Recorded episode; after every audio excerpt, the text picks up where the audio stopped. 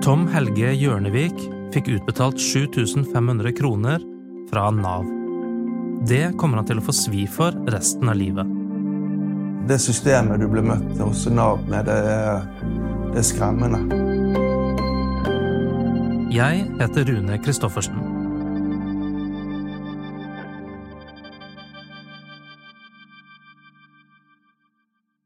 Er Tom Helge Hjørnevik, du er fra Telavågen.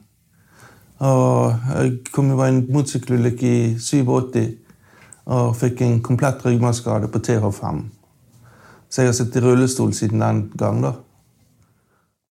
Når Tom sier at han har en skade på TH5, så betyr det at han er lam fra brystet og ned. Det har han vært siden han var 21 år gammel. På den tiden drev Tom og kompisene og råkjørte på motorsykkel. Og de visste at de utfordret skjebnen. Vi snakket faktisk om det òg. På en måte var du forberedt at det kunne skje noe. sant? Så det Dere skjønte at det var farlig? Ja, absolutt. Tom har alltid elsket fart. Da han og kompisene fylte 16, fikk de mopeder og begynte å suse rundt i nabolaget i Fyllingsdalen. Så gikk de over til motorsykler. Suzuki, Kawasaki og Honda. Men det de egentlig drømte om, var Harley Davidson. Tom skrudde på den japanske sykkelen sin mens han kikket misunnelig bort på naboen som mekket på en Harley i garasjen. Det begynte med at vi trimmet mopeden vår. Det var det første. Jeg fikk 80 kubikk istedenfor 50 kubikk. og sånt. Kose, så var det om å gjøre å kjøre fortest oppover en bakke i Fyllingsdalen. Den som hadde liksom rekorden der. sant? Og koste oss. Det var en flott tid. Eh, med mopeden så var det stort sett rundt i Fyllingsdal og til og fra jobb. og sånt da. Men når vi fikk tyngre sykler, da, Kawasakien og Hondaen, så var vi litt turer til Sverige og Danmark og sånn. Cruiste rundt. Bodde i telt og koste oss og hadde ferie. Dårlig med bagasje, da, men ellers bra. Ulykkesdagen var på våren 1987. Det kan ha vært 1. mai, sier Tom. Hondaen hadde stått inne hele vinteren, og nå skulle den endelig ut på veien. Bare en kjapp cruisetur utenfor huset på Sandsli. Men støtdemperne foran på sykkelen manglet olje. Derfor lå den veldig lavt på veien da Tom satte seg i salen. Jeg har kjørt sånn si, mange ganger før at det logger godt ned. Den sykkelen er veldig spesiell. Også. Det er en V4-motor, så du kan ligge veldig lavt, for den er smal. sant? Så det Jeg regner med det skal gå bra. Jeg merket ikke så mye sjøl, da. Men eh, du så gnistene fra fothvileren. sant? Idet Tom la seg ned i en sving, tok fothvileren nede i bakken. Han mistet veigrepet og ble kastet ut i grøften. Jeg kan faktisk huske det. Jeg vurderte i det, det sekundet om jeg skulle holde meg fast eller slippe. Og Da fant jeg ut at jeg slipper ikke ikke få sykkel på meg. Og Sykkel fikk nesten ingen skader. Jeg fikk en sånn der eh, grensepål eller de der stålgreiene og traff dem med ryggen. Fikk gjennom luften som en kule og så ned i den steinrøysen. da.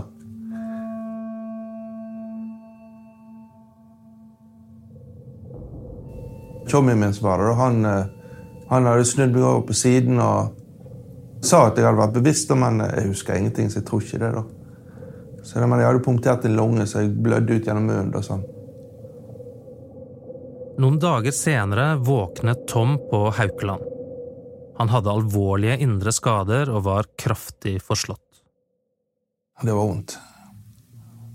Hver gang jeg ropte på sykeplassen, kom hun løpende med sprøyte til meg. vet du.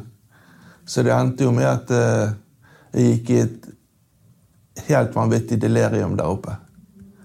Det var sprøyter. Jeg vet ikke hvor lenge etterpå det var, men jeg husker jeg hele tiden så hang jeg i taket. Og så datt jeg ned, og så snudde meg, og så så jeg opp i taket, og så kom sengen etter. Og så våknet, og det skjedde i flere dager på rad.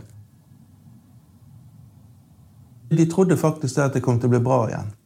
Men eh, så legene var og undersøkte og sjekket lenge. og Gikk med nåler under beina og alt sammen ristet på hodet, skjønte ingenting. da. De forklarte det til meg etterpå. da. Var én av et eller annet millimeter. Så jeg hadde bare en liten splint i ryggmargen. Splinten hadde laget en liten blødning og siden den dagen, for 34 år siden, har ikke Tom kunnet gå. Men han hadde hell i uhell, mener han selv. Tom hadde nettopp tatt fagbrev som rørlegger og fått fast jobb på Håkonsvern. Og så hadde han akkurat satt opp grunnmuren til huset han skulle bygge på Sotra. Nå kunne han skreddersy hjemmet for rullestolen. Tom bor fremdeles i det samme huset i Telavåg. I dag er han 50% ufør og har en halv stilling på konsern. Der jobber han med å reparere headset for marinen. Jeg er glad for at jeg hadde den jobben, for jeg tror eh, hadde ikke vært den jobben, så hadde jeg sikkert blitt ufør eh, direkte. sant? Litt flaks at jeg var akkurat ferdig med fagbrev og ansatt. sant? Nå er det jo helt sånn at jeg kan styre arbeidstiden sjøl. Så hvis jeg ikke er i form en dag, så bare ringer jeg til sjefen. Og så sier det flekser i dag. sant? Tar det igjen eh, i morgen. Selv om Tom har det bra på jobb, har han også hatt perioder med mye smerter. For noen år siden var han sykemeldt så lenge at han mistet retten til sykepenger. Tom sier at Nav anbefalte ham å søke om arbeidsavklaringspenger, og etter mye om og men fikk han en utbetaling på 7500 kroner. Siden jeg hadde så lav inntekt, fikk jeg redusert utbetalingen. Så, så, så hvis jeg hadde tjent masse penger, så hadde jeg fått høyere utbetaling. så, I forhold til eh, ja, Jeg vet ikke hvorfor de skrev det, da, men det virket løyent.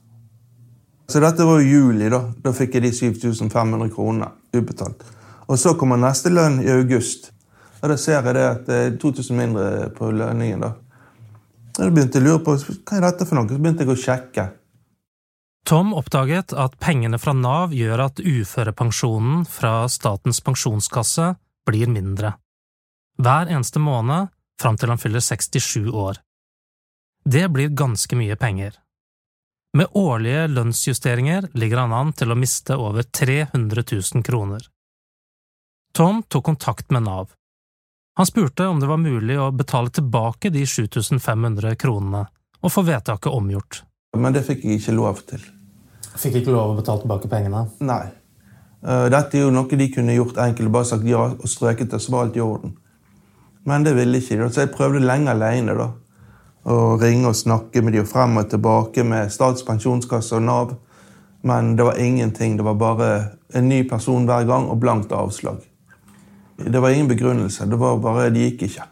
Jeg trodde det skulle gå i orden, for alt virket jo så dumt. Det var liksom Du følte at du er i en virkelig verden. sant?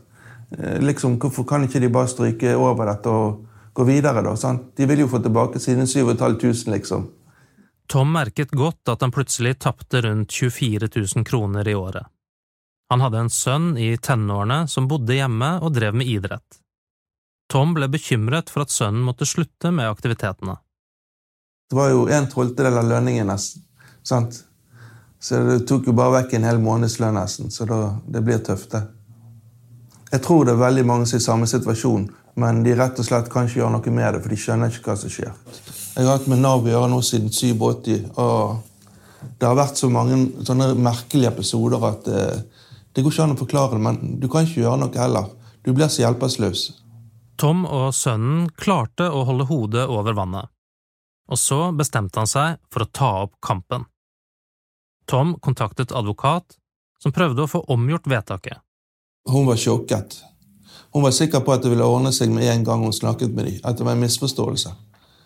Men eh, som sagt, etter fem brev eller noe sånt, så var hun helt oppgitt. Det var håpløst. Hva skal du gjøre, liksom? Sant? Og så det, det, systemet du ble møtt hos Nav med, det er, det er skremmende. Så det, det, er ikke noen forståelse eller noe. Det er ingen forklaring. Så de er jo pliktige å forklare seg alt. Og dette er jo ting som hun advokaten fortalte meg, da, at dette skulle de informert meg før jeg fikk disse pengene om jeg fortsatt ville ha dem. Og det er de pliktige til å informere om på forhånd. da. Men eh, det hjalp ikke. Uansett hva vi sa til dem, så fikk vi bare sånn korte svar. Dessverre nei og avslag. Jeg tok kontakt med Nav og spurte hvorfor de ikke ville la Tom betale tilbake pengene. De ville ikke stille til intervju, men de har svart på e-post. Grete Børsheim, som er direktør i Nav klageinstans, skriver at det ikke er gjort noen feil i saksbehandlingen. Derfor er vedtaket gyldig og kan ikke omgjøres. Tom og hans advokat mener at Nav har veiledningsplikt. Med det mener de at når Nav anbefalte Tom å søke arbeidsavklaringspenger, så skulle de informert om konsekvensene. Til det skriver Nav at de ikke har fått noen spørsmål om dette. De mener det er Toms eget ansvar å vite at han kom inn under et nytt regelverk da han fikk utbetalt støtte. Nav har informert Tom om at han kan kreve erstatning hvis han kan dokumentere at de har gjort feil. Bortsett fra det er det lite de kan gjøre, skriver de. Tom har en egenskap som har hjulpet ham i livet. Han går ikke og grubler over at ting kunne vært annerledes. Da han kom ut fra sykehuset etter ulykken, var han klar for å få bygget ferdig huset og komme seg tilbake i jobb. Men du klarte å akseptere situasjonen igjen? Ja, det gikk ganske fort. Hvordan klarte du det? Nei, Det vet jeg ikke. Det tror jeg bare personlighet. Jeg så jo mange rundt meg der oppe som eh, ikke kom seg på mange tiår etterpå. Så jeg tror nok eh, det er genetisk, rett og slett. tror jeg, de tingene der. Hvordan du takler sånne ting. da. Du kunne gått helt til kjelleren. Ja, det er mange som har gjort det, men jeg tror de fleste som får en sånn skade som meg, det har jo truffet mange i ettertid, da. De virker veldig lykkelige. Så jeg tror de fleste faktisk får et bedre liv etterpå, selv om det handikappet de får. da, sant? Så jeg tror du endrer deg.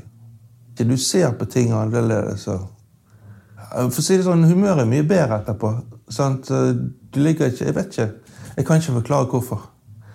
Klart det ville gått hvis jeg kunne valgt det. Sant? Men eh, jeg tror nok det at jeg hadde hatt et eh, mer kritisk liv til eh, virkeligheten hvis ikke jeg hadde vært i den situasjonen jeg var da. Så Det er kanskje fordi at uh, ulykken er såpass at, uh, at, du, at, du, akkurat overlevde. sant? Jeg har alltid tenkt det som gjorde at jeg kom så fort over dette, og kom så fort tilbake til et vanlig liv, det var pga. jeg var skyld i det sjøl. Jeg tror det hadde vært annerledes hvis, det, hvis jeg hadde blitt påkjørt av en bil der fyllekjører eller noe sånt. Da tror jeg hadde vært mer, kanskje mer bitter og irritert, hvis du skjønner hva jeg mener. sånn. Hvis jeg er helt uskyldig dratt inn i det. Men du vet jo aldri. Tom har også akseptert at han vil tape penger resten av livet fordi han fikk støtte han hadde krav på fra Nav. Nei, jeg er ferdig med det. Jeg, sånn, jeg, jeg ligger ikke og grubler på ting uansett. da. Så det er en god egenskap jeg har, heldigvis. Så jeg irriterer meg ikke over ting over lang tid. Jeg kan være irritert i øyeblikket, og så er det over. Denne episoden er laget av meg, Rune Christoffersen, Anna Offstad og Arve Stigen. Hvis du vil høre flere episoder av Hva skjedde, så trykk gjerne på abonner i din lydapp. Og tips oss gjerne på hva skjedde at btno.